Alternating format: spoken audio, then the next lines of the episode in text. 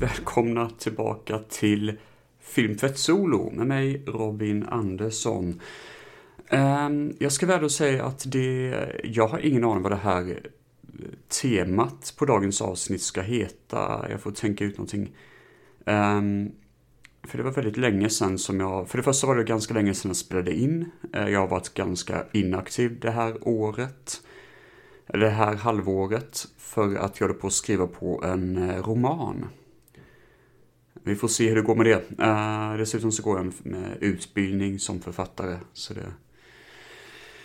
Ja, eh, I alla fall, så jag, jag kanske låter lite stel och lite teatraliskisk. Okej, okay, jag kan inte ens uttala ordet, men jag, jag låter kanske som en teaterskådespelare nu när jag introducerar avsnittet. Jag ska försöka vara lite human, men ja. Ni vet ju hur det är, det kan ju vara lite stelt ibland Och, sitta och spela in. Eller vet ni inte hur det är så ska ni vara jävligt glada för det, för det kan vara jävligt awkward. I alla fall, eh, temat avhandlar inte julen, det kan man tro för det är 3 december jag spelar in dagens avsnitt, men det kommer det inte vara. Det kommer inte heller vara någonting relaterat till nyår. Mestadels för dålig planering och mestadels för att, ja, de datumen är fett överskattade. Ja, där sa jag det.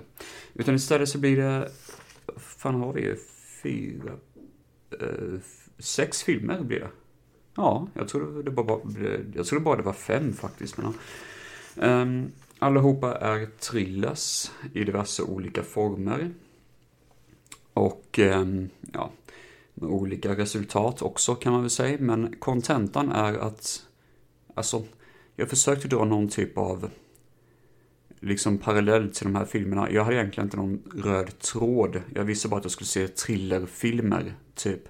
Men jag ville ha lite halvt udda, sunkiga karaktärer och slisiga hotell och liksom det här mer ruttna och mer förjävliga. Så jag tror det är sunkigheten som är den eh, kontentan i de flesta av dessa filmer i alla fall. Det kan vara någon som är lite sådär i sunkighet, men annars är det ju garanterat en sådan resa. Så vi ska göra ett när fjär vad heter det, När och fjärran? Ja, just det, det gamla programmet på SVT. Vi ska göra ett När och fjärran avsnitt då vi ska åka till de här sunkiga områdena och um, kolla på vilken inbjudan vi får när vi kommer och besöker de här underbara platserna. För det är intressanta platser med karaktäriska drag. Och säkert en jävla massa äckliga dofter dessutom på det. Um, ja. Vi drar igång, tycker jag, direkt med filmen, den första filmen som jag såg i det här temat, Bad Times at El Royal.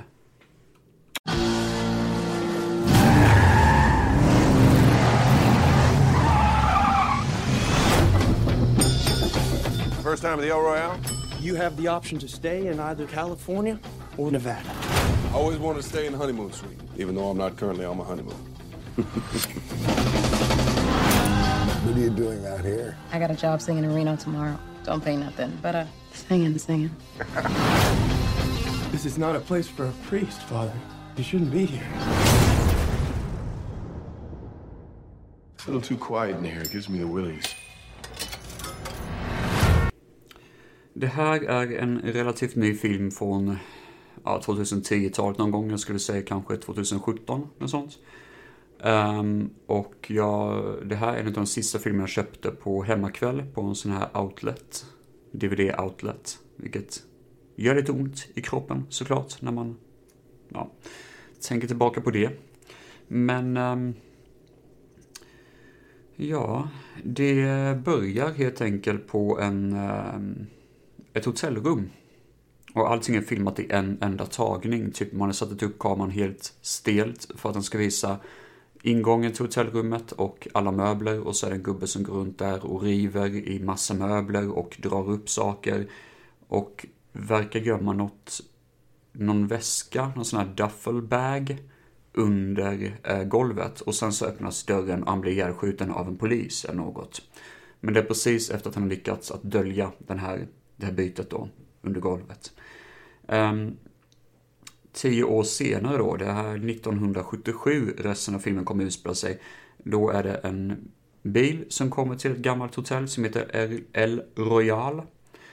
Och, ehm, är det Hostel kanske. Jag vet inte riktigt. Är det ett hotell? Jag vet inte fan. Det är sån här, ni vet, en utomhusplats och så är det typ som att man måste gå utomhus för att komma in i alla rummen. Så jag vet inte om det räknas som motell. Jag har alltid sett att det varit ett motell, men jag tror de heter, eh, jag tror de kallar det för hotell. Jag, jag fattar inte riktigt reglerna på det, men jag tror det har lite grann med vilken service man får och hur många rum man har. Det kan vara något sånt faktiskt, för det är ganska stor yta egentligen. Uh, anywho, um, det här hotellet ligger på gränsen mellan Nevada och Kalifornien, vilket är lite halvintressant för att senare när de går in i receptionen får de veta det att på ena stället har de tillgång att eh, servera alkohol, på andra sidan har de inte det, så därför får baren bara finnas på ett ställe i um, det här hotellet då. Um, vi får se diverse olika karaktärer nu som introduceras till som är på det här hotellet. Det är de enda som har checkat in. En eh, präst spelad av Jeff Bridges. En eh, kringresande säljare, väldigt jobbig karaktär. Som jag tror skådisen heter John Hamm, tror jag. Det är han som är med i eh, Mad Men. Han som enligt rykte ska ha en jävligt stor kuk, har jag hört. Jag, jag vet inte vem fan det var som sa det, om det var Björkman kanske. Och hur vet han det? Hmm. Nej, men jag har hört lite grann att det har varit ett rykte om att han ska ha en jävligt stor kuk. Det kan vara ett Flashback Forever som har sagt också. Jag har ingen aning. Mina information, alltså min hjärna är ju ett jävla clusterfuck. Det är en jävla djungel. Ni vill inte traska runt min hjärna kan jag säga.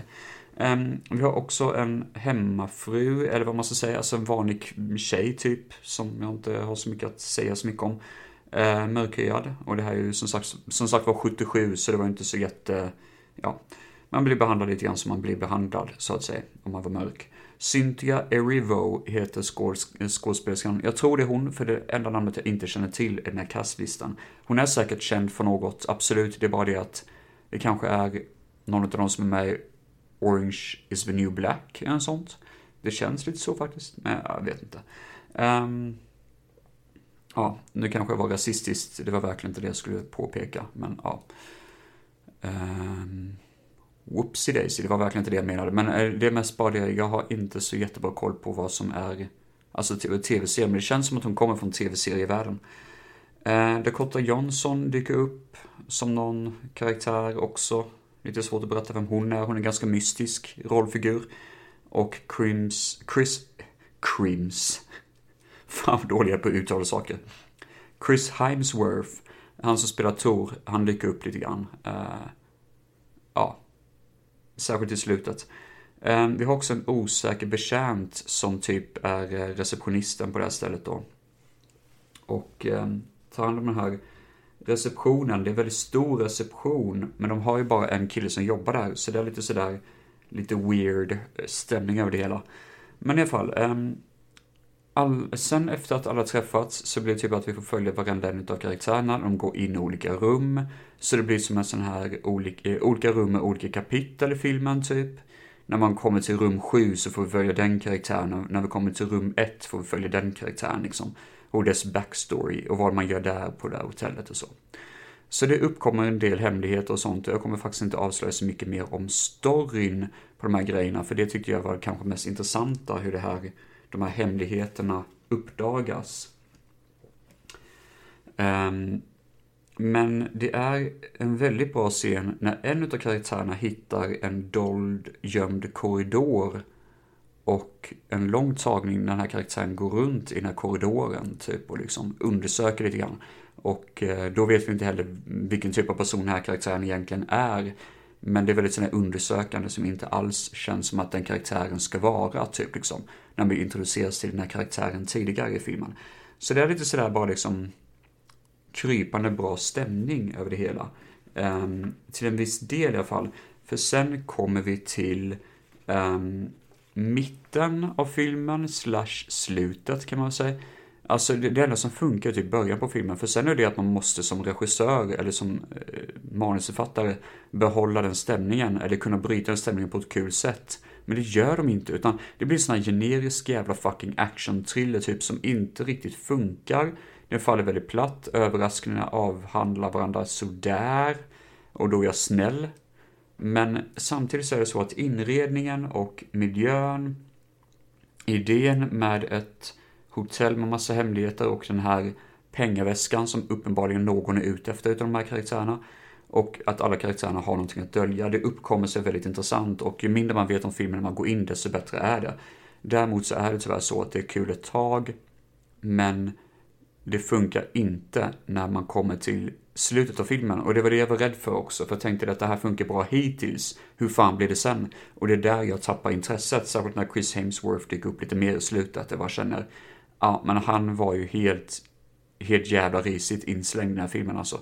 Um, hade det här varit en bok tror jag det funkar bättre, för då kanske man inte varit så rädd för att göra lite annorlunda struktur på det. Men när man ska göra det som en film och måste ha ett klimax och måste ha sån här final showdown och sånt, då funkar det inte riktigt i den här filmen. Och det är det jag tycker att den här filmen faller platt på faktiskt. Vi kommer komma till en liknande film lite senare i dagens avsnitt. Eh, jag ska försöka dra paralleller till Bad Times också när vi kommer dit. Jag hoppas att jag kan göra det i alla fall. Ehm, men jag tror faktiskt det är den filmen vi kommer att prata om sist. Så ni får vänta på resten av avsnittet. Det, det, det är lite grann som en, som en sån här hamburgare. Ni vet att hamburgerbrödet som är överst, det är den här filmen. Sen kommer allt kött och allt det och sen kommer hamburgarbrödet hamburgerbrödet som är underst. Som är då, eh, som knyter ihop säcken till det avsnittet så att säga. Bad Times El Royale, ja, den funkade inte riktigt. Men den är inte helt värdelös heller, för vi ska komma till sämre filmer. Um, oh boy, det ska vi verkligen göra. Men det var det med Bad Times at El Royale. She's on the run. You know, Alex, if you hadn't shot that guy, then we wouldn't need passports and we wouldn't be here. There was an accident, I told you! And now her life depends on the choice she makes when her husband, Your father sent me. her boyfriend, I brought the gun for safety! I wanted to scare him! and a stranger There's a gringo in town. He's new. He's asking questions about me. all come together in Baja.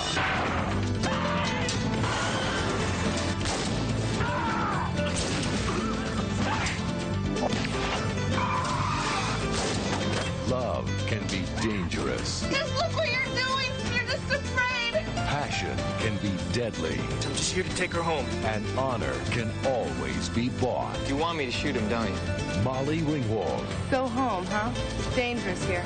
Donald Lowe, You want to see me dead? and Lance Hendrickson.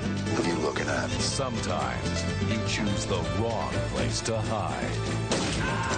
Welcome to Mexico. Baja.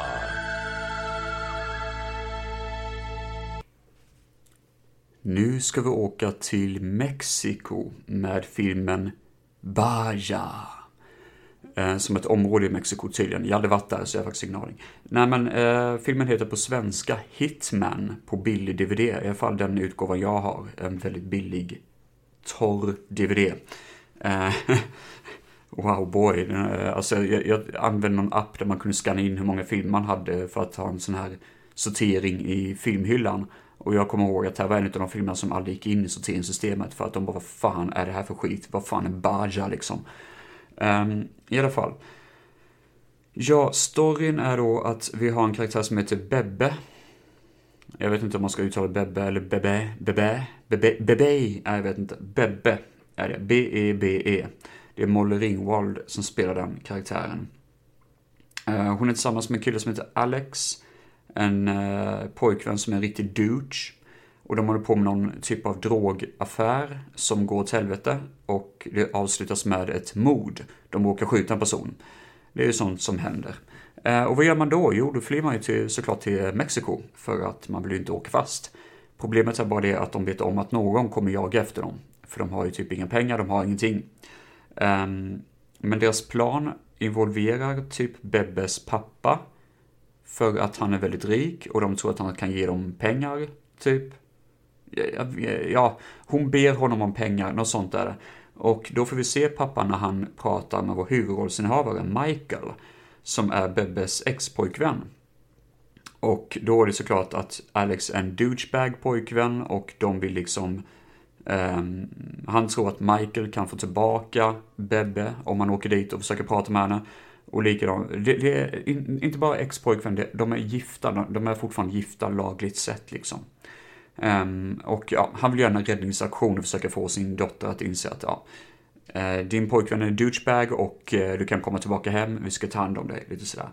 Så han skickar iväg Michael på ett äventyr till Mexiko, till Baja, för att liksom, eh, ja, till det här lilla rövsamhället. Jag tror inte ens samhället har ett namn under filmens gång. Det är bara verkligen sanddynor överallt och små enstaka hus här och där.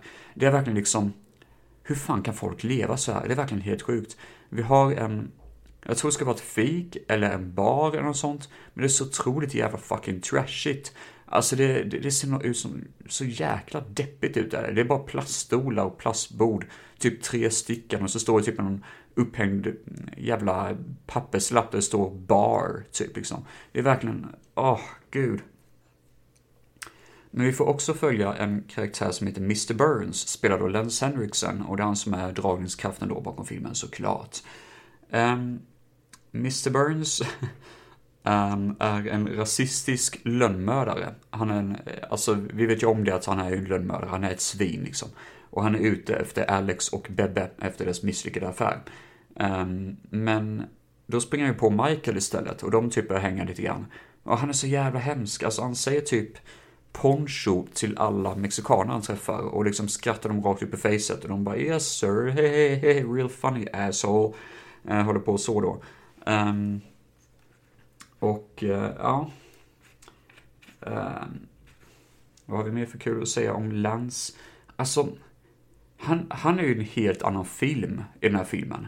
För han svettas, klagas på, klagar på absolut allting. Och han är ju inte professionell mördare, jag fattar inte honom. För alltså, för det första så pratar han hela tiden om sin jävla fucking fru, som typ han har skilt sig från och sånt. Som han verkligen har jättekonstigt förhållande till. Han, han pratar om henne hela tiden och ringer henne hela jäkla tiden, jag fattar inte det. Och sen är det att jag menar, när han, ska, när han ska skjuta en person är det något bland det sjukaste jag sett. För det här är typ någonting, jag för man gör det också i den här John Woo-filmen. Um, uh, Hard Target. Jag för mig gör samma sak där, att han typ, när han skjuter så är det som att han slänger fram pistolen lite lite grann i luften, typ sådär som att han, som att han ska kasta, alltså slunga ut pistolskotten ur pistolen i en enda rörelse. Det är något bland det sjukaste, alltså det, det är som att han fiskar typ aggressivt och bara liksom äh, äh, äh, liksom sådär.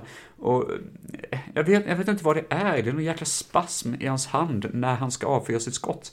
Och det är så jäkla gött att se att han bara slänger upp näven lite hux flux och ibland kollar han ju inte ens på offret han skjuter mot så det är helt sjukt att han ens träffar. Alltså, det, det är jätteoprofessionellt. Och det funkar inte i resten av filmen, för han lever en helt annan film. Och resten av filmen är en ganska seriös thriller. Så det här känns lite grann som den filmen Deadfall med Nicolas Cage. Där Cage är liksom helt jävla fucking bananas och resten av filmen suger typ.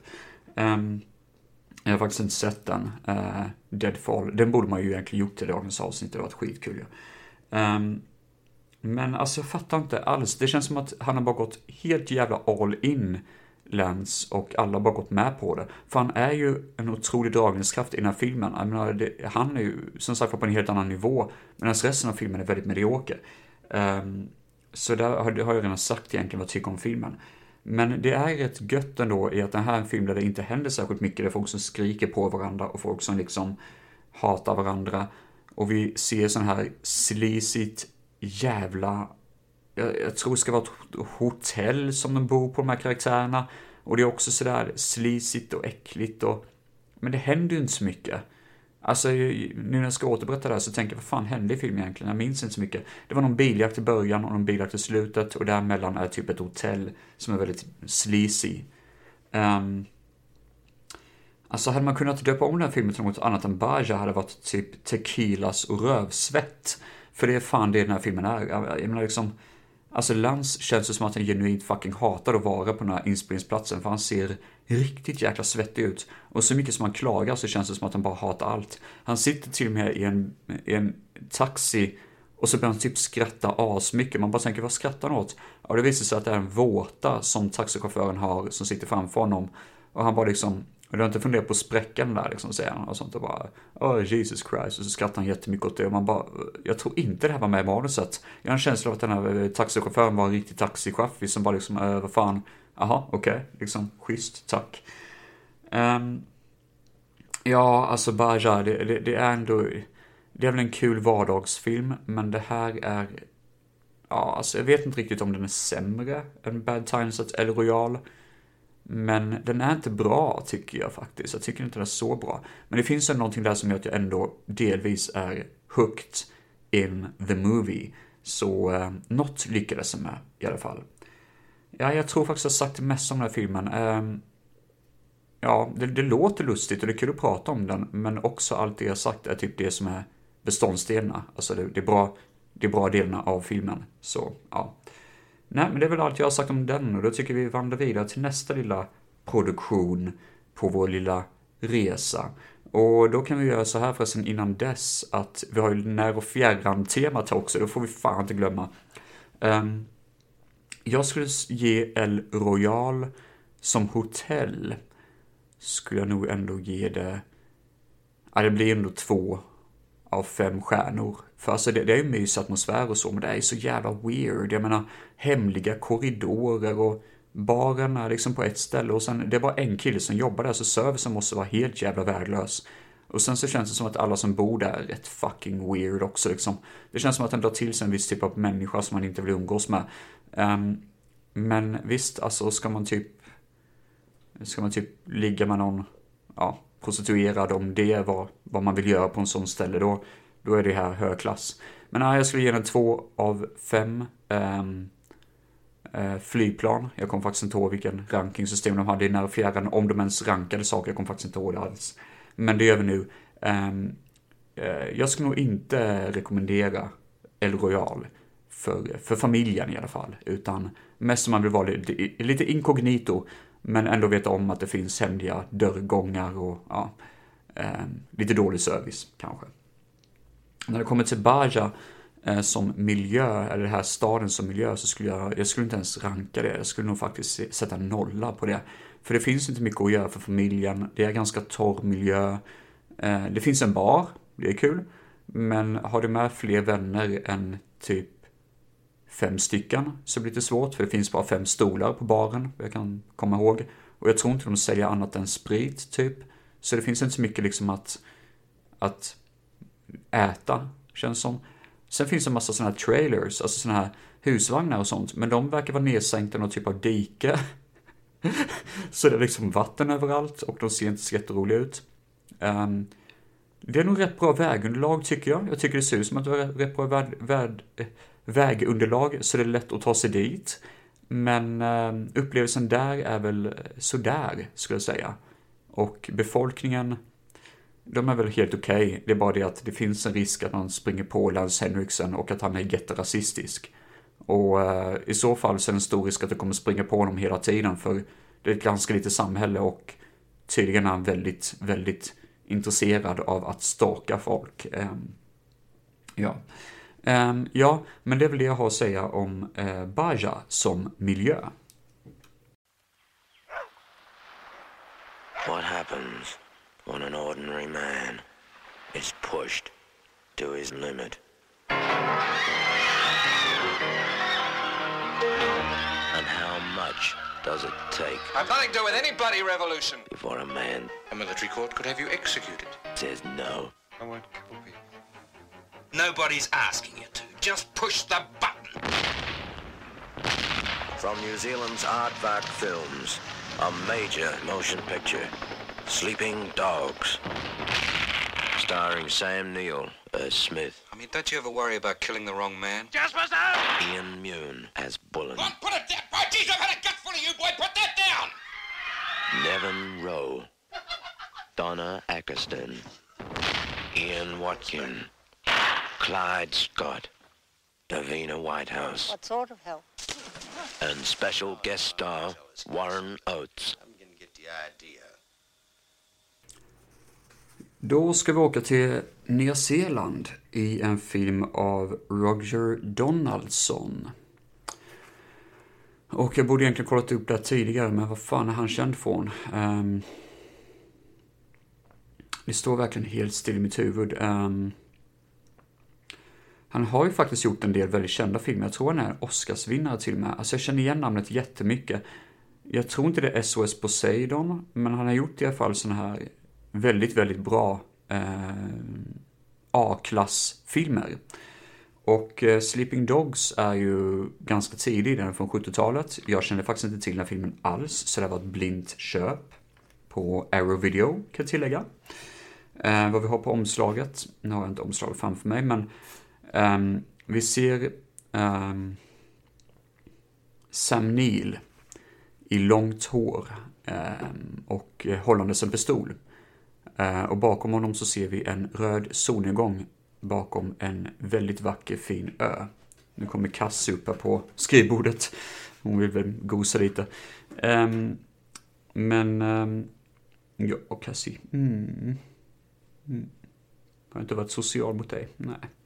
Um, men, ehm, vad skulle jag säga? Ja, men det, det, det, är väldigt fint omslag faktiskt. Jag kommer inte ihåg vad det alternativa omslaget var, men jag för mig det var ganska mediokert i jämförelse. Det brukar vara så att de snygga omslagen på de här filmerna i alla fall är de eh, um, alternativa. Men i alla fall, det här är en film från Nya Zeeland, som sagt var. Um, Sam Neill spelar en karaktär som heter Smith. Som, som sagt var, alltså jag gillar det att han har lång frisyr. Det är, eh, det är jättehäftigt att han har en lång frisyr. Eh, han ser ut lite grann som Pete, inte Peter Gabriel, Phil Collins skulle jag säga. Jag menar, det, det finns till och med, alltså när han var ung, det finns till och med en scen när han har skägg, buskigt skägg och man känner knappast igen Sam Neill. Det är för övrigt hans första leading role. Jag tror faktiskt det är hans första roll överlag. Och han gör ett sjukt jäkla bra jobb. Alltså, han har ju inte ändrat sig alls när det gäller skådespelarkarriären, utan han är verkligen skitbra redan från starten, typ. Han spelar i alla fall Smith, um, har just um, separerat från sin familj för att hans fru var otrogen. Och då så vill han dra iväg till att flytta in på en ö mitt ute i, ja, alltså utanför en kust då. Han kollar på den här ön och bara fan det ser så jävla coolt ut. Så han åker till de personer som äger ön och de är lite halvsuspekta, lite halv weird. Pratar med varandra rätt länge och sådär. Um, men eh, de, eh, ja, de eh, håller med om att det är klart som fan att du får, du, du får låna, hyra den här ön. Och samtidigt i bakgrunden pågår någon typ av politisk, ekonomisk kris. Jag har faktiskt inte kollat om det här hände på riktigt, för jag har troligt icke, jag har en otrolig icke-kunskap inom eh, icke-kunskap, det är för fan inte ens ett ord. Ja, ja, jag har en otroligt dålig kunskap inom krig och revolutionära händelser, men tydligen var det någon civil kris som hände, i alla fall i filmens Eh, berättelse, som är någon typ av civilkrig mellan regeringen och civilister. Eh, som genomfördes i bakgrunden och Smith bryr sig inte. Alltså han vill bara bo ensam vid sin ö. Så han flyttar in där, har ett litet trevligt, en liten trevlig stuga, köper en liten båt och allt är väldigt mysigt sådär. Men en dag så dyker det upp soldater på ön, tar honom till fånga och berättar det att hela ön alltså har nedgrävda vapen under sig. Då visar det sig att den person som äger ön har egentligen gömt vapen där. Men Smith blir ju misstänkt som terrorist och eh, eh, ja, alltså han är ju helt körd. Han vet inte hur fan han ska göra. Så han tvingas fly. Han flyr de här soldaterna och eh, springer in i den här motståndsgruppen, den här civilista, eh, civiliserade mot, motståndsgruppen.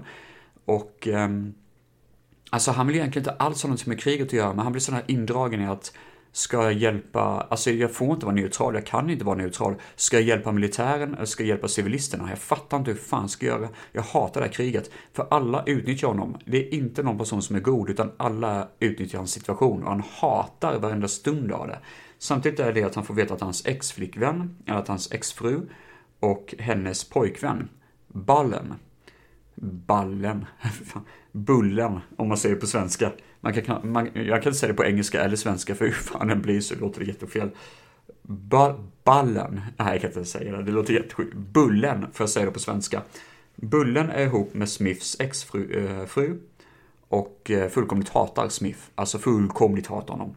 Äh, och Smith hatar honom med, han är ett jävla fucking asshole. Så båda är svin mot varandra och det är ingen av dem som är särskilt godhjärtad utan alla är typ assholes. Ehm, och det här revolutionära kriget är någonting som han dras in i. Och han tvingas också spendera tid i ett riktigt sleazy motell. Så där kommer vi till ett motell igen. Men frågan är vilken sleazighetsnivå vi ligger på, men det kommer vi till sen känner jag. Um, filmen är tydligen baserad på en novell som heter Smiths Dream. Och den är jag ganska nyfiken på att spana in faktiskt. Den låter rätt mysig. Eh, det kan också vara riktigt jävla slow burner, jag vet inte. Det är riktigt härlig, skön countrymusik. Det är en långsam, skön liksom countrystämning på det. När det gäller musiken i alla fall och viben av det hela är väldigt mysigt. Fram till det här ekonomiska, eh, alltså den här krisen såklart som förekommer. Um, jag har nog inte jätte... Jo, jag har en sak till som jag måste säga och det här går också in lite grann i Lance Henriksen i hur han skjuter, med att han slänger fram sin pistol och skjuter. Um, alltså exakt samma sak gör Sam Neill när han gör någonting som man oftast inte ser på film. Han ger fingret. Hur kommer det sig att folk inte ger finger på film längre? För det ser så jävla töntigt och fånigt ut, men samtidigt så coolt ut. Så han liksom sådär han ser nästan lite full ut. Han står typ bredbent, som att han tar sats. Och så liksom brett med armarna. Och så är det som att han viftar ut fingret liksom, som, som att han nästan ger en uppercut, om du fattar vad jag menar. Och, I en boxningsring, och det ser så jävla special ut. Och jag gillar ändå det, alltså han, han ser, han, det är nästan som att när han ger fingret så vagglar han lite, som att han verkligen tappar sitt fotfäste. Och jag vet inte, jag bara gillar hans sätt att han alltid ger fingret till folk. Det är hans signum som karaktär typ. Och eh, ja, fan, det, det var en sån detalj jag verkligen föll för. Frågan är, ja det här måste ju vara den bästa filmen i dagens avsnitt, filmmässigt tycker jag i alla fall. Eh, jag hade väldigt kul när jag såg den, jag tycker den är en riktigt skön rulle med intressant tema och Eh, kanske lite för mycket på actiondelarna ibland, kanske pågår lite för länge ibland. Men det är en skön sån här puttrig, eh, eller inte ens puttrig, alltså det är en skön nyzeeländsk film. En ren, eh, renodlad god rulle tycker jag. Så jag garanterar, alltså garanterat jättebra film, jag rekommenderar den. Eh, då ska vi köra när och fjärran på det då. Ja, och det är väl nackdelen kanske att Nya Zeeland är väldigt vackert att kolla på. Det är fina miljöer och eh, även om folket kanske är lite väl aggressiva under den här situationen, under ett civilt krig. Eh, det är någonting som man får tänka på att åker man dit när det är ett civilt krig eller ekonomisk kris så kan det bli lite jobbigt. När det gäller regering och civilister som krigar mot varandra. Eh, det slisiga hotellet är inte så slisigt som man kanske ville att det skulle vara heller. Så slisighetsnivån finns inte riktigt där. Men vill man åka till en fin miljö med familjen, ja, jag hade nog ändå inte åkt dit i och för sig, i och med kriget. Men ja, måste ni åka någonstans så är det väl dit ni måste åka i så fall. Eh, och eh, då får ni ta med lite vapen också, för jag tror det kan vara ganska bra. Det kan vara kul för hela familjen också att springa runt och panga lite folk, det, det, det är inget fel med det. Um, nej, men det är väl allt jag säger om Sleeping Dogs. Uh, ja. Jo, men jag känner att jag är klar där. Och då ska vi dessvärre, får jag väl säga, gå vidare till en film som kan vara en av de absolut... Ah, för fan. Ja, nej, vi, vi sätter igång det, den filmen direkt, känner jag, så tar vi det när vi kommer dit. Då är vi framme vid nästa man till rakning, så att säga. Och eh, det är en liten film som heter Come to Daddy jag misstänker att den gjordes 2019. Jag vet inte varför, men jag har en känsla, eller 2020 kanske till och med, jag har en känsla av att den här filmen gjordes under corona. Um, för det är en väldigt minimalistisk film när det kommer till skådespelare och uh, ja, det känns som att den är ganska sån här eh, lågmäld. Um, att man inte fick ha för, för mycket folk bakom kulisserna när man gjorde filmen. I alla fall. Elijah Wood spelar en event DJ-kille, typ.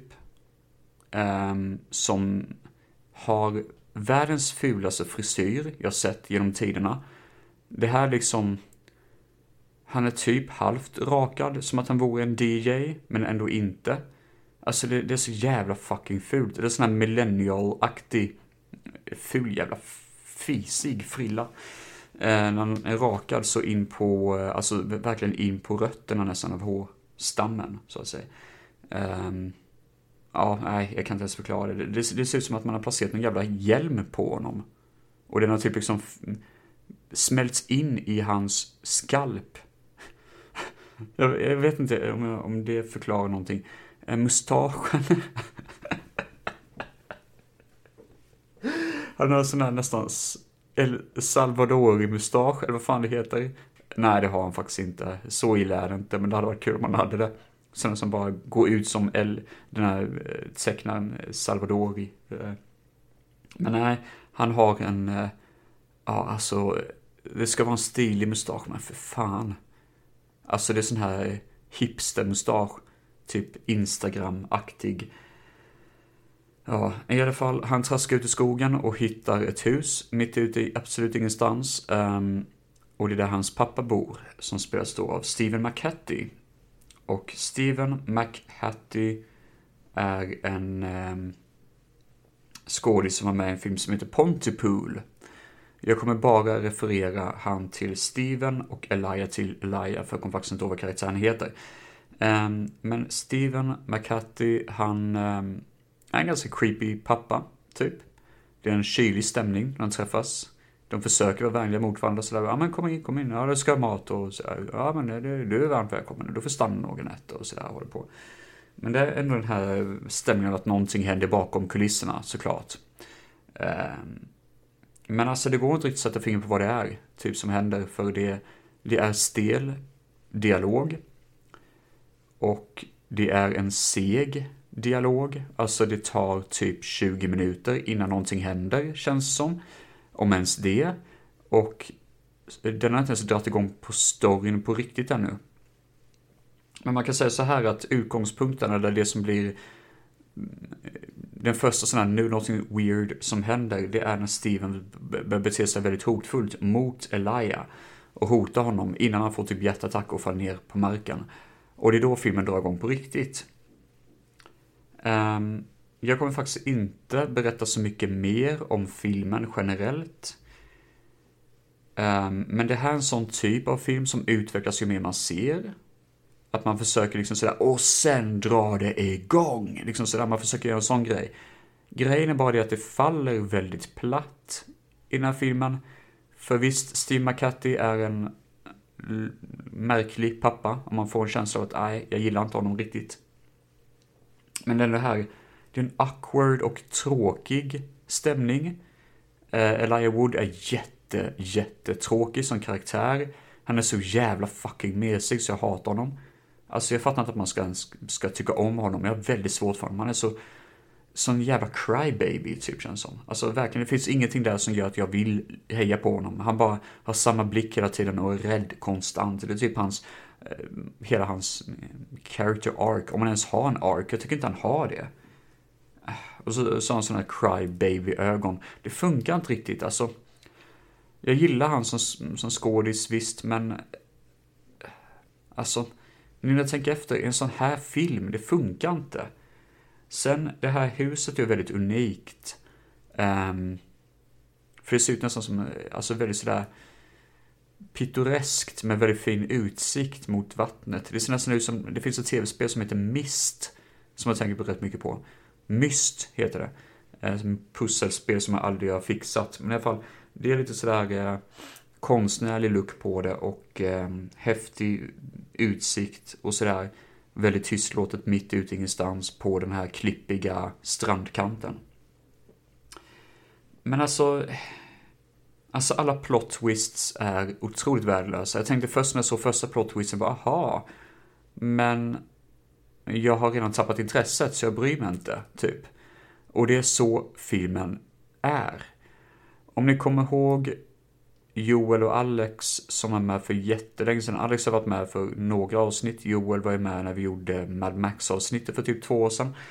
Um, de har båda två sett Come to Daddy. Jag tror det är Alex film faktiskt. Jag fick låna den utav dem. Och de säger samma sak. Alltså de fucking hatar den här filmen. Tyckte den var jättetråkig. Och jag håller fullkomligt med. Alltså det här är eh, tomt på innehåll. Den är en väldigt, väldigt tom film. Um, frustrerande dålig. Um, och nu kanske jag säger för mycket, men jag skulle nästan säga topp 5 av de sämsta jag sett i år. Men nu kan jag inte i huvudet vilka mer jag sett, så. Uh, men i alla fall. Um, och då är vi framme vid, återigen, vår lilla resa. Vad tycker jag om miljön? Jo, alltså. Eh, om jag hade varit författare, alltså professionell författare, då hade jag ju lätt velat flytta in till det här huset för att skriva, för det är väldigt mysig miljö. Det finns alltid sprit, vilket är fint, och visst, det är långt till matvarubutiker och så, och det är långt till allt överhuvudtaget. Men det finns en mysig källare som är lite halvkul. Och där finns nog lite mat också i och för sig som har bunkrats upp rätt länge. Och det, det är liksom en mysig plätt, plats att befinna sig, på, så, eh, befinna sig på. Sen kanske det blir åt helvete om det skulle bli storm, men jag tror inte jag skulle vara där så länge i så fall. Nej, eh, jag tycker Come to Daddy som miljö är jävligt inbjudande faktiskt. Det hade jag nog rekommenderat kanske att åka till mer än 70-talets Nya Zeeland. Ehm, däremot, som sagt var, filmen i sig är riktigt jävla dålig. Fy fan, rent ut sagt.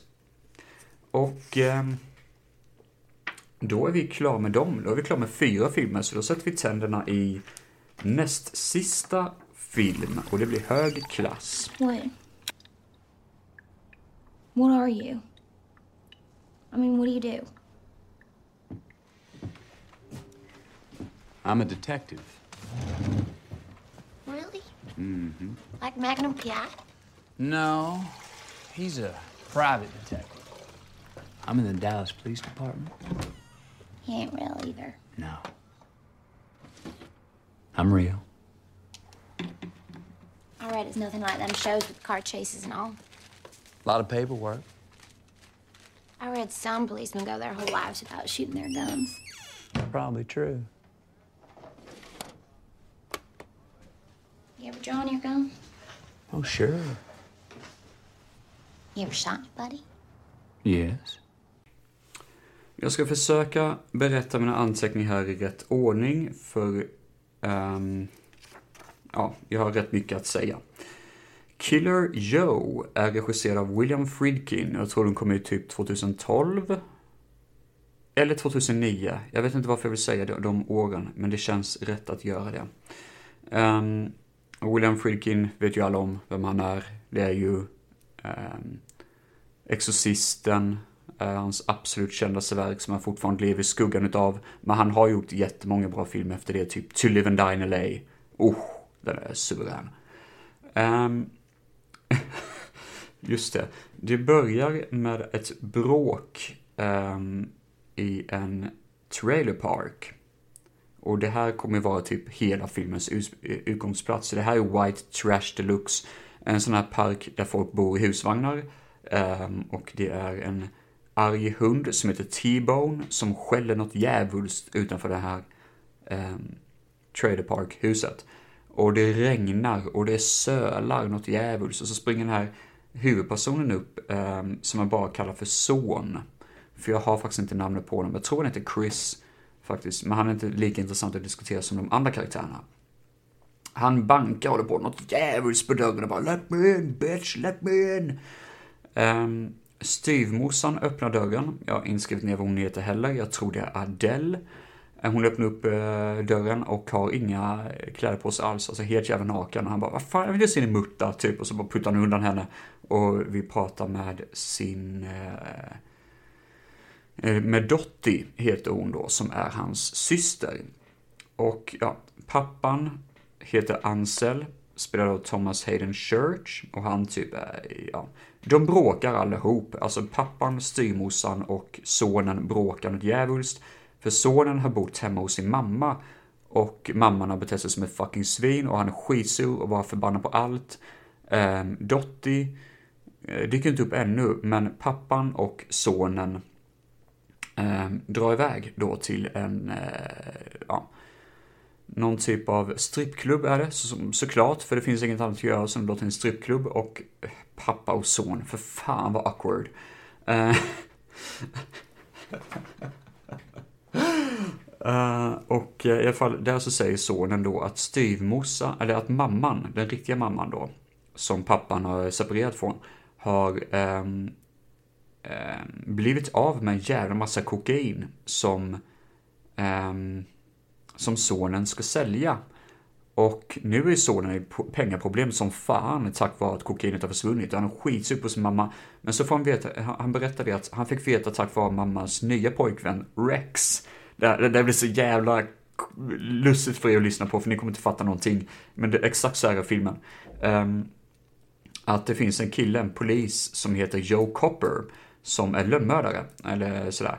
Och att mamman har en stor försäkringslåda, eh, liksom försäkringspengar, om hon skulle dö, som kan gå till systern då, till sonens syster Dottie. Och ehm, då är planen då att döda mamman för att få pengarna då helt enkelt. Ehm, och dela det på alla i familjen. Ehm, så de ska anställa Joe Copper. Och när de kommer hem igen till den här eh, uh, trailerparken och bara liksom, ja ah, men det, det kanske är en ganska bra idé ändå, la la la, liksom håller på sådär. Då um, dyker Dottie upp. Hon går i sömnen tydligen och säger något jävligt skumt, typ att är det sant att du byggde den här staden helt själv? Säger hon till sonen, eller till sin bror, och han bara liksom, eh, ja det gjorde jag, bara liksom, ja du sa det på bröllopet, typ, och så bara går hon iväg och de bara, så bara vänder han sig till, till sin fassa och bara liksom, alltså pappa, för fan vad hon är läskig när hon går sönder. det är så jävla weird, alltså så jävla sjukt är det. Um, ja, i alla fall, vi introduceras till Joe Copper, den här polis uh, slash lönnmördaren som spelas av Matthew McConaughey. Um, och uh, han är ju riktigt nice på ett gött och sliskigt sätt, precis som Matthew McConaughey alltid är. Um, kommer jättebra överens med Dottie och börjar bli ganska intresserad av henne. Men de har inga pengar att betala i förskott till eh, Joe Copper, så han bestämmer sig då att då använder jag er dotter som disposition. Eller vad fan, heter disposition? Uh, ja, i alla fall, använder, uh, han ska använda honom som en sån här uh, hållhake. Att sen får ni betala uh, cashen till mig när ni får pengarna, men jag har henne så länge. Ehm, um, för han är väldigt uh, exalterad och umgås med henne då. Och um, ja. Så tanken är att han ska försöka göra ett mordförsök på mamman för att familjen ska få de här pengarna och för att han också ska få betalt. Men samtidigt så sitter han ju på Dottie, dottern då som är typ av liksom cash in-kort. Alltså hela den här filmen är ju, har ju otroligt intressanta karaktärer som är ofantligt misogyniska. Alltså det är en scen, det är nästan mot slutet av filmen, då Joe Copper håller en kycklingklubba som en kuk. Och då ska styvmorsan suga av kycklingbenet. Alltså man bara, vad fan är det för skit? Och så står han, Thomas Hayden Church, och bara spyr i en annan del av den här husvagnen. Uh, alltså det är så jäkla weird. Uh, hela filmen är som en teater, typ, i stort sett. Alltså det, man får en teaterfeeling på det hela. Det skulle mycket väl kunna utspela sig på en teaterscen. Det känns som att den faktiskt har gjort det. Eh, det känns också som att den är baserad på en bok. Det kan den mycket väl vara. Jag vet inte, men det känns så. Ehm, och eh, mycket mörk humor. Och mycket naket är det såklart. Men det är också mycket misär. Alltså, Thomas Hayden Church har ju rakat sig på vissa ställen under hakan, vilket gör att han har fortfarande sån här små, liksom plattor av skägg kvar. Eh, vilket är väldigt intressant. Eh, och han har ju en grön tröja som alltid har en svettig rand på exakt samma ställe. Typ vid magen, eh, typ där, där fläsket går ut lite grann. och vid rygg, vid rygg, eh, alltså ryggen. Ja, alltså jag vet inte vad jag ska säga. Det, det är så jävla sjukt. Um, Ja, Eh, alltså det är som monster, eh, alltså det är som white trash känsla att han till och med sitter och kollar på monster trucks på tv. Och det är så självklart gör han det. Och så dricker, dricker han Pabs Blue Ribbon, eller vad fan det är. Eh, vilket nästan känns för classy i och för sig, det gör det faktiskt. Um, ja. Det enda som är nackdelen är att vi har ju en karaktär, mammans pojkvän, som heter Rex. Och jag vill se Rex. Jag vet inte varför, men en white trash-film där en karaktär heter Rex. Det är ett jäkla brott att inte se den här karaktären. För man får ju en bild i huvudet, liksom att det är en sån som typ går runt med um, en svart svettig t-shirt nästan åtklistrad åt sin tjocka mage. Och med någon eldsflamma eller någon sån här uttvättad kanske ehm, eh, vad ska man säga, ehm, ja, något jäkla bandmotiv, typ Metallica-motiv, men det är så ofantligt utvättat som man tror knappast att han själv har, att han nästan har ärvt den här tröjan liksom. Och en väderbiten keps, det hade varit underbart, det hade jag velat se. Men eh, som sagt var, eh, det dök inte upp i filmen då, dessvärre, så det är bara min fantasi som sätter sina sprakande idéer. Alltså Killer Joe är en kul film, det är det. Tyvärr är den lite för lång för sitt egna bästa och jag känner ibland att jag, jag zonar ut lite grann i kontexten till filmen. Visst, nu satt jag med mobilen och höll på med den under tiden. Jag är rätt dålig på att koppla bort mobilen ibland, men ja, det spritter lite grann i benen när man ser den för att efter ett tag så tappar jag i alla fall eh, helheten bakom det. Men det spelar inte så stor roll för det är en mysig, skön film. Den håller sig hela vägen mot slutet till skillnad från um, eh, El Royal, som är också lite sådär udda karaktärer, som sagt var, men det här funkar mycket bättre. Det här är inte den sista filmen jag kommer att prata om dock. Vi har ytterligare en film som jag ska prata om och jag känner att jag är klar med Killer Joe. Jag rekommenderar den här filmen, det gör jag verkligen bara det att den går kanske inte hela vägen fram som jag hade önskat. Men eh, när det kommer till När fjärran-programmet då, Ehm, så tycker jag garanterat att hela familjen är varmt välkomna till White Trash-samhället. Man har inte levt förrän man har hört en riktigt sunkig familj vars tandhygien är ifrågasättbar. När de sitter och liksom, när de står och smäller varandra överallt och springer runt lite halvt nakna och att man har en fastspänd hund som heter T-Bone som står utanför den här, eh, den här trailern då.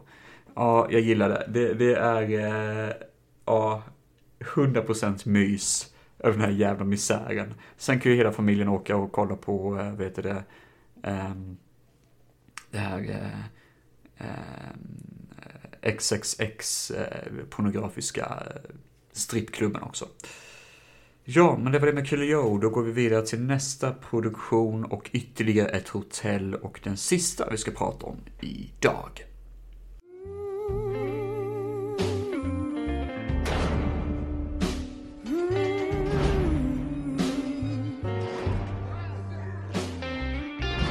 This is my last chance to never have to see you again. So to tell you the truth, I don't care for you that much.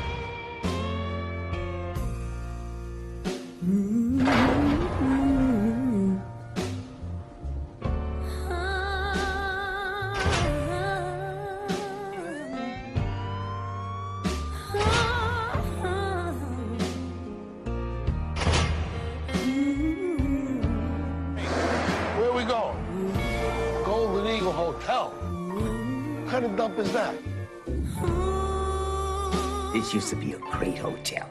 But I guess hotels are just like anything else. They come and they go. Just like people. They come and they go. Hey, that's not just two tickets to Vegas you're holding in your hand, you know. What's my hold?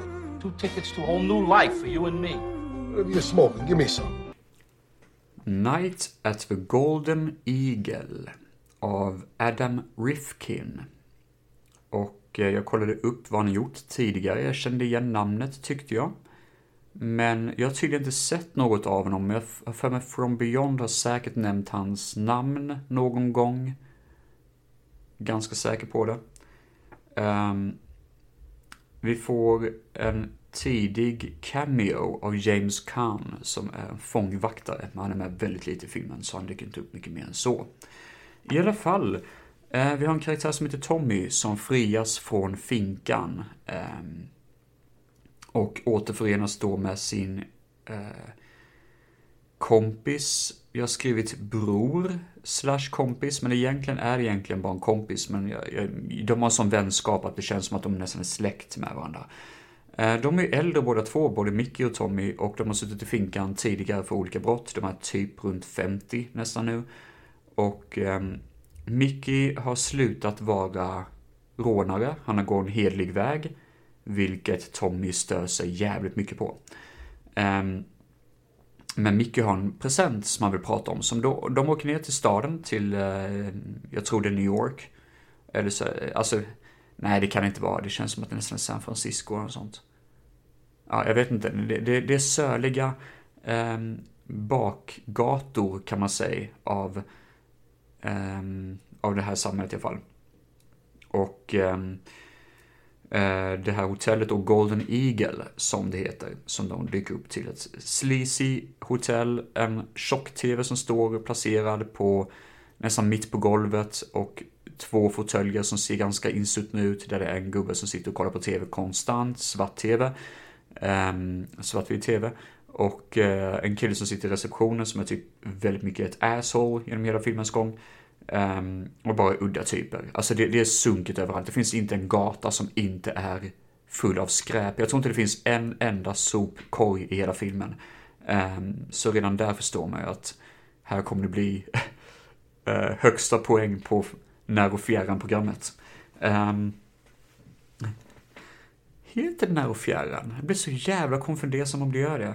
Uh, men det känns som att det gör det. Apropå när och fjärran, är det inte där jag kanske har helt fel, men jag har faktiskt för mig att Martin Timell var med på det. Eller det kanske är att jag blandar ihop det med Äntligen Hemma, men jag har nästan för mig faktiskt att Martin Timell var med på det. Intressant diskussion som jag talar för mig själv, för ni kan ju inte svara på den faktan i vilket fall som helst. Ni får klura på det själva, helt enkelt. Um, I alla fall. Um, så, ja, alltså hans, mm, den här överraskningen som Mickey har då, är ju att han har blivit hedlig, han har massa pengar och nu så ska de åka um, till Las Vegas för att starta om en hedlig väg. Och det är Tommy jävligt depp på, för han kommer ut precis som från finkan efter sju år. Han vill röka, eh, röka på, han vill liksom göra brott igen. Han, han vill bara göra någonting för att han, han känner att kroppen sprider av energi och glädje. Han vill råna en bil igen. Och det säger bara mycket, nej, nej, jag gör inte sån skit längre, jag gör inte sån skit längre. Um, i alla fall. Så... Um, uh, alltså den här filmen följer också lite andra berättelser. För vi har Vinnie Jones som spelar en riktigt svettig, grisig pimp. Alltså, helvete vad han svettas. Eh, det känns som att han gör det naturligt av någon konstig anledning. Som att han kan bara slå på det som en termometer inom sig själv. För i hela filmen säger alla att det är så jävla fucking varmt hela tiden. Och det är det som gör sunkighetsnivån ännu högre. Um, men ja, han är en svettig pimp i alla fall och um, han har en ny tjej som heter Lorraine som han ska få ut på gatan. Hon är typ 15 år eller något sånt och ska lära sig gatulivet. Och det är en liten side story med det. Um, som en egen liten plott typ. Men egentligen huvudplotten är fortfarande då uh, det här med, uh, med Mickey och Tommy för då får ju Tommy för sig att han ska ha med en prostituerad på rummet och när Mickey jobbar. Men det slutar med att han råkar döda den prostituerade i rent vredes... Rent jävla us, usinne. Vilket gör då att de har ett lik på rummet de måste bli av med. Och det är det som kickar igång typ deras dilemma. Eh, och allt utspelar sig som sagt var på Golden Eagle under en natt. Um, ja. Um, vi har en karaktär som jag verkligen tycker väldigt mycket om. En eh, äldre performer har jag skrivit här. Han eh, heter Maynard Brothers, eller ja, han tillhörde, eh, han och hans bror var med i någonting som heter Maynard Brothers. Som var typ steppdansare. Och... Ehm, eh, ja, alltså han han, man får se lite sådana här småbilder när han bor i sin lilla lägenhet och spelar lite hög musik, lite gammal musik och sitter och äter sin billiga soppa typ under en liksom, liten sån här eh, metallplåtburk. Och sen så pratar han väldigt gott. Alltså, så, han verkar vara en sån här skön person, man gillar honom. Han, han är mys deluxe, den här killen. Um, och um, det är någonting skönt över det, alltså den här snubben. Men jag fattar inte, alltså den här filmen är kul för att den har massa sidohistorier, men det blandas ihop så mycket och det behandlas inte på så bra sätt. Vilket gör att jag som tittar på filmen känner ibland att, ja men vad är poängen med det här? Var, kommer det komma någonstans? Kommer det gå någonstans? Och ibland har det ingen riktig poäng. För även om poängen kommer så känns det bara, ja okej, okay, men det är lite platt typ. Um, jag minns att jag tycker, och det tycker jag fortfarande, att slutet på filmen är väldigt intressant på det här deppiga, nedstämda sättet den håller sig hela vägen till slutet, till skillnad från El Royal. Och det var tur att jag kom ihåg det, att jag skulle dra parallell till El Royal igen. Alltså till skillnad från El Royal håller den sig hela vägen igenom med de här sidospåren. Även om sidospåren kanske behövde lite mer utveckling för att jag ska känna emotionell anknytning till det. Um, och eh, ja, alltså det, det, är de här skitiga gatorna, de här trippel X-biograferna, Eh, de här udda karaktärerna som bor i det här hotellet som jag verkligen tycker väldigt mycket om, det där svettiga. Ehm, tyvärr får vi det här apokalypsgula filtret. Det här, alltså det ser verkligen ut som att någon har pissat på kameran typ. Det är gult överallt. Och det är som överexponering. Ehm, det är nästan som en skaterkänsla över det på något konstigt sätt. Eh, skater-videokänsla. Ehm, men också på ett bra sätt, för fotot är fan snyggt. Och det är lite musikvideofoto-vibe på det, så jag tror att han, Adam Rifkin, måste ha gjort musikvideos förr. Eller att han som gjorde fotografen har gjort musikvideos förr. Um, och um, vi har de här ba bakgatorna som sagt var. Vi har den här garagemusiken från 2000-talet som går ihop. Vi har lite billig rap, vi har lite billig garage grunge musik. Men det är ingenting som tar övermakten heller, utan det mesta bara funkar i eh, resten av filmen, om man säger så. Um, och ja, jag sitter och kollar igenom mina anteckningar här. Ja, det, det, är en scen då den här Maynard Brother-killen ska steppdansa. Och ja, alltså för att man ska känna lite sympati för honom. Han är en äldre man, han har ont i hjärtat och han ska steppdansa. Och det går ändå, det är en halvt fin scen, men återigen hade man inte dragit ut och utvecklat det bättre med hans karaktär så känner jag lite grann, det här har ingenting med filmen att göra. Um, filmen slutar till och med med en uteliggare som som vi bara sett lite grann på gatan lite snabbt, en statist som går ut och dansar för sig själv för att hon hallucinerar om att någon plockar upp henne och vill dansa vals med henne. Det är sådär bara, okej. Okay. Um, jag ser vad ni vill göra och det är rätt fint, men det är också lite sådär, ja, märkligt. Den här goda killen av de här vännerna, Mikey, um, jag gillar hans karaktär för han är väldigt verklighetsfråntagen. Alltså han har ju en tillvaro där han jobbar som sexbåsstädare, vilket är så jävla sjukt och äckligt. Men han är positiv hela tiden. Det är som att, ja, ja, men det här är ju ett gig, jag, menar, jag får pengar för det här. Min chef är världens roligaste chef, säger han då till Tommy. Men när vi träffar hans chef så verkar han bara vara jävligt bitter och hemsk liksom. Men han har den här liksom, sin egna syn på saker som är väldigt, jag skulle inte kalla det för naivt, men i brist på bättre ord får nog göra det, för jag har lite svårt att hitta begreppen till det. Um, han har ingen verklighetsförankring, typ, till sin tillvaro, och det tycker jag är ganska intressant. Um, nej men det är nog det jag har att säga om Night at the Golden Eagle. Jag rekommenderar den. Uh, det är en intressant sunkig film. Jag hittade den på GameStop av alla ställen för typ en tia. Och jag vet att jag pratat om den här tidigare faktiskt när jag pratade om midnattfilmer. Så det blir en liten sån här eh, tillbakablick, men nu har jag faktiskt sett om filmen för det här temat också. Ehm, och då på Nerv och avsnittet eh, så skulle hon säga det att ja, ni ska åka och besöka Golden Eagle. Ta med hela jävla fucking familjen. För det, här finns allt man behöver. Det finns eh, säkert godispapper som ligger på golvet någonstans för ungarna att ta och slicka upp. Det finns prostituerade för mannen, herren i huset. Och det finns säkert billiga korsordstidningar som är igenklistrade med diverse olika substanser i eh, diverse olika rum för lilla mamma. Ja, eh, det här är, eh, det, det är väl det jag har att säga om de här filmerna egentligen. Eh, jag gör en liten rangordning. Första rangordningen är väl på bästa ställe som man kan besöka. Det kan vara kul att köra en sån. Ehm, bäst, vi kör sämst till bäst. Um, alltså sämst är nog fan Baja, tycker jag. För det, är, det finns fan inte ett jävla skit att göra där. Det verkar så jävla tråkigt.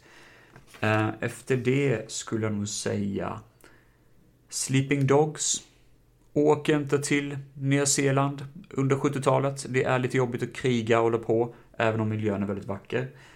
Um, jag skulle nog säga El Royal som nästa.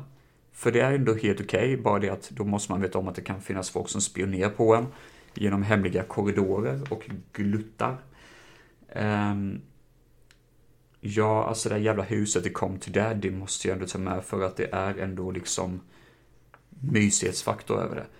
Um, Golden Eagle, absolut, absolut. Men jag tycker den som vann på miljön i alla fall är Killer Joe, White Trash Samhället, Dit. Kul för hela familjen. Helt underbart. Ehm, 10 av 10. Filmmässigt då, det är någonting helt annat där. Ehm, sämst av dessa, det är ju Come to Daddy. Fan, den var ju riktigt, riktigt jävla rövig var den. Ehm, jag hade inte rekommenderat den till någon, bara ofantligt tråkig. Och tråkigt är det absolut sämsta som finns. Sen får jag nog ändå säga El Royal, tror jag. Ambitiös, men alltså, ja. Det, jag bara tappade det faktiskt. Um, sen har vi Baja, kort därefter. De är väldigt nära varandra, Baja och um, El Royal. Um, nu är vi inne på de bra filmerna här känner jag. Och då tror jag vi tar Golden Eagle först, gör vi nog, för att det här pissiga kamerafiltret gör det rätt jobbigt att se. Och det är en film som, där helheten faller lite platt, men det är ändå en kul upplevelse att se. Absolut inte så negativ som, eller faller platt ska jag inte säga, men helheten eh, går inte riktigt raka vägen fram. Det är bättre formulerat. Um, det var Golden Eagle och då får jag säga att näst bäst är ju Killer Joe för sin um, riktigt härliga upplevelse att se, även om det verkligen inte är genialt så funkar det väldigt bra. Och bäst av dagens filmer är Sleeping Dogs av, eh, eller med Sam Neill. Och då känner jag att, vad fan, vi är klara här tycker jag. Så ni får ha det så jävla underbart allihopa. Gå in och följ mig på Instagram som vanligt, Filmfett. Jag finns också på Facebook. Ha det så underbart allihopa. Ta hand om er. Adieu.